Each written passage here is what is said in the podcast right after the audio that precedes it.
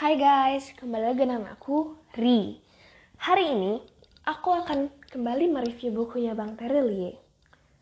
Kali ini, judul bukunya Tentang Kamu.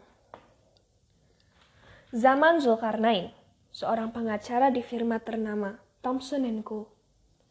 Saat ini, ia sedang diberi tugas untuk mengusut sanak saudara dari Sri Ningsih untuk membagikan warisannya. Sri Ningsih adalah seorang gadis dari Pulau Bungin. Ayah Sri, seorang Nugroho, adalah seorang pelaut tangguh. Ibu Sri telah lama meninggal. Hingga suatu saat, Nugroho memutuskan untuk menikah lagi dengan Nusi Marata. Selama beberapa waktu pernikahan mereka, Nugroho dikaruniai seorang putra. Tilamuta namanya. Saat usia Tilamut baru berusia 14 hari, Nugroho memutuskan untuk pergi melaut kembali karena ia ingin membelikan Sri sepatu baru di hari ulang tahunnya. Sayang, ombak menelan Nugroho. Sejak kepergian Nugroho, Nusi Marata melakukan penyiksaan terhadap Sri karena menganggap bahwa Sri adalah kutukan. Sri harus melakukan semua pekerjaan rumah tangga dan juga menafkahi keluarga kecilnya. Hingga satu saat, api telah membakar rumah Sri ketika ia sedang mencari kerang untuk dijual. Saat itu juga, Sri langsung berlari masuk ke dalam rumahnya. Di detik itu, Lucy baru menyadari betapa kejamnya sikap dia terhadap Sri. Ia menatap mata Sri Ningsih ada keber, tak ada kebencian setitik pun yang tersisa di matanya. Bahkan Sri rela mati untuk menyelamatkan Nusi dan Tilamut. Tak ada lagi kenangan buruk akan Sri dalam diri Nusi. Di saat kematiannya, yang ia ingat hanyalah mata teduh Sri. Tuan Guru Bajang mengirim Sri dan Tilamuta ke sebuah madrasah di Surakarta milik Kiai Maksum, kawannya. Di madrasah itu, ia langsung disambut hangat oleh Nyai dan Kiai. Karena sifat rajinnya, Sri disukai oleh banyak orang. Bahkan Nur, anak Kiai, menjadi sahabatnya. Nur, Sri, dan Lastri, anak didik Kiai Maksum, diperintahkan untuk belajar menyetir. Dari bertiga, hanya Sri yang lulus. Mereka bertiga menjadi sahabat baik. Tak ada yang menyangka Lastre dan suaminya akan membunuh Kiai, Nyai, dan para warga yang tinggal di pesantren. Beruntung, Nur berhasil diselamatkan. Sayangnya, Tilamut ditemukan telah dimutilasi. Pembunuhan itu diduga terjadi atas dasar kecemburuan dan rasa kecewa Lastri dan suaminya yang tidak jadi diangkat sebagai penerus madrasah. Sebab yang diangkat adalah Nur dan suaminya. Setelah kasus itu selesai, Lastri dan suaminya ditangkap. Sri memutuskan untuk meneruskan hidup di Jakarta yang keras.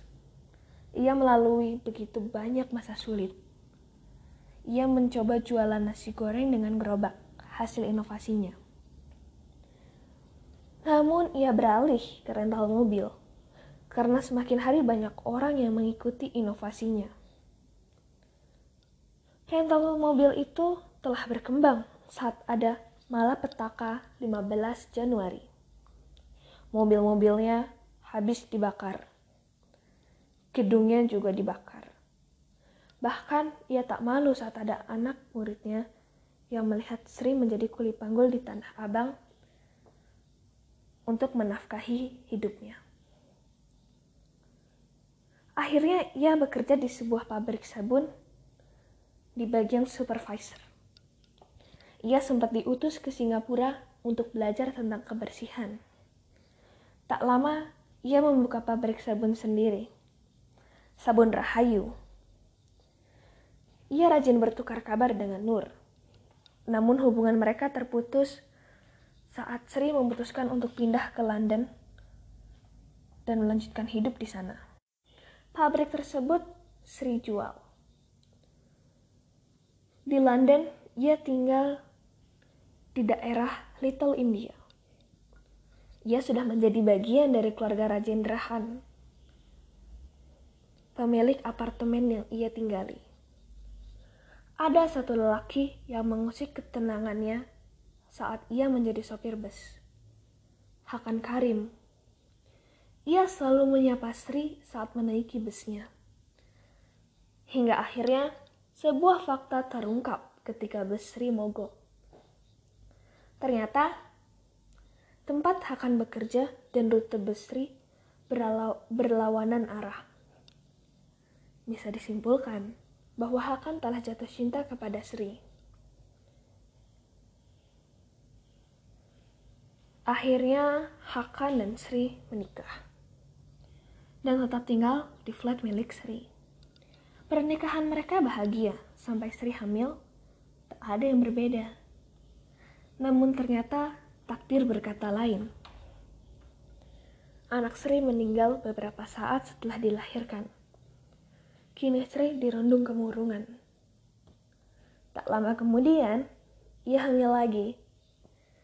Saat itu, Sri sedang dalam kondisi tidak sadar saat anaknya lahir. Ketika ia sadar, anaknya telah dipanggil olehnya. Itu disebabkan oleh Resus Hakan dan Sri yang berbeda. Sri kembali merasa seperti orang yang dikutuk. Tak sampai di situ, Hakan menyusul anak-anaknya, Rahayu dan Nugroho. Kini Sri kembali hidup sendiri kehampaan memenuhi hidupnya. Sampai suatu siang, Sri yang berwajah pucat pasi pergi meninggalkan keluarga Rajendrahan dan pergi ke Paris.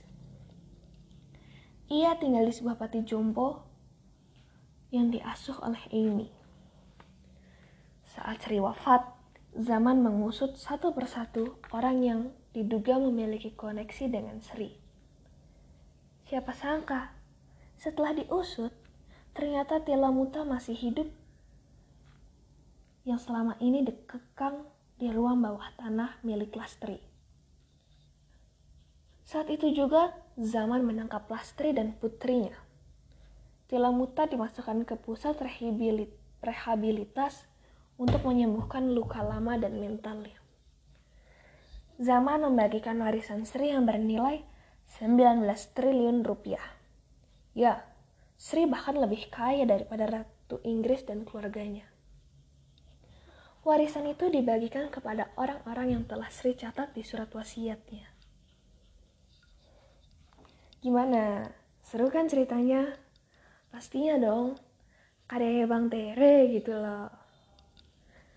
Jarang-jarang kan ada yang menceritakan rakyat Indonesia jadi orang kaya. Oleh karena itu, aku berikan rating 10 untuk buku ini. Kenapa? Karena ini buku emang bagus banget. Emang sih. Dengan tebal 524 halaman, kita nggak akan merasa bosan. Karena bukunya malah membawa kita menjelajah waktu dan melintasi dunia. So, jangan lupa beli bukunya dan nikmati. Stay safe at home. Arigato. See you next time. Bye-bye.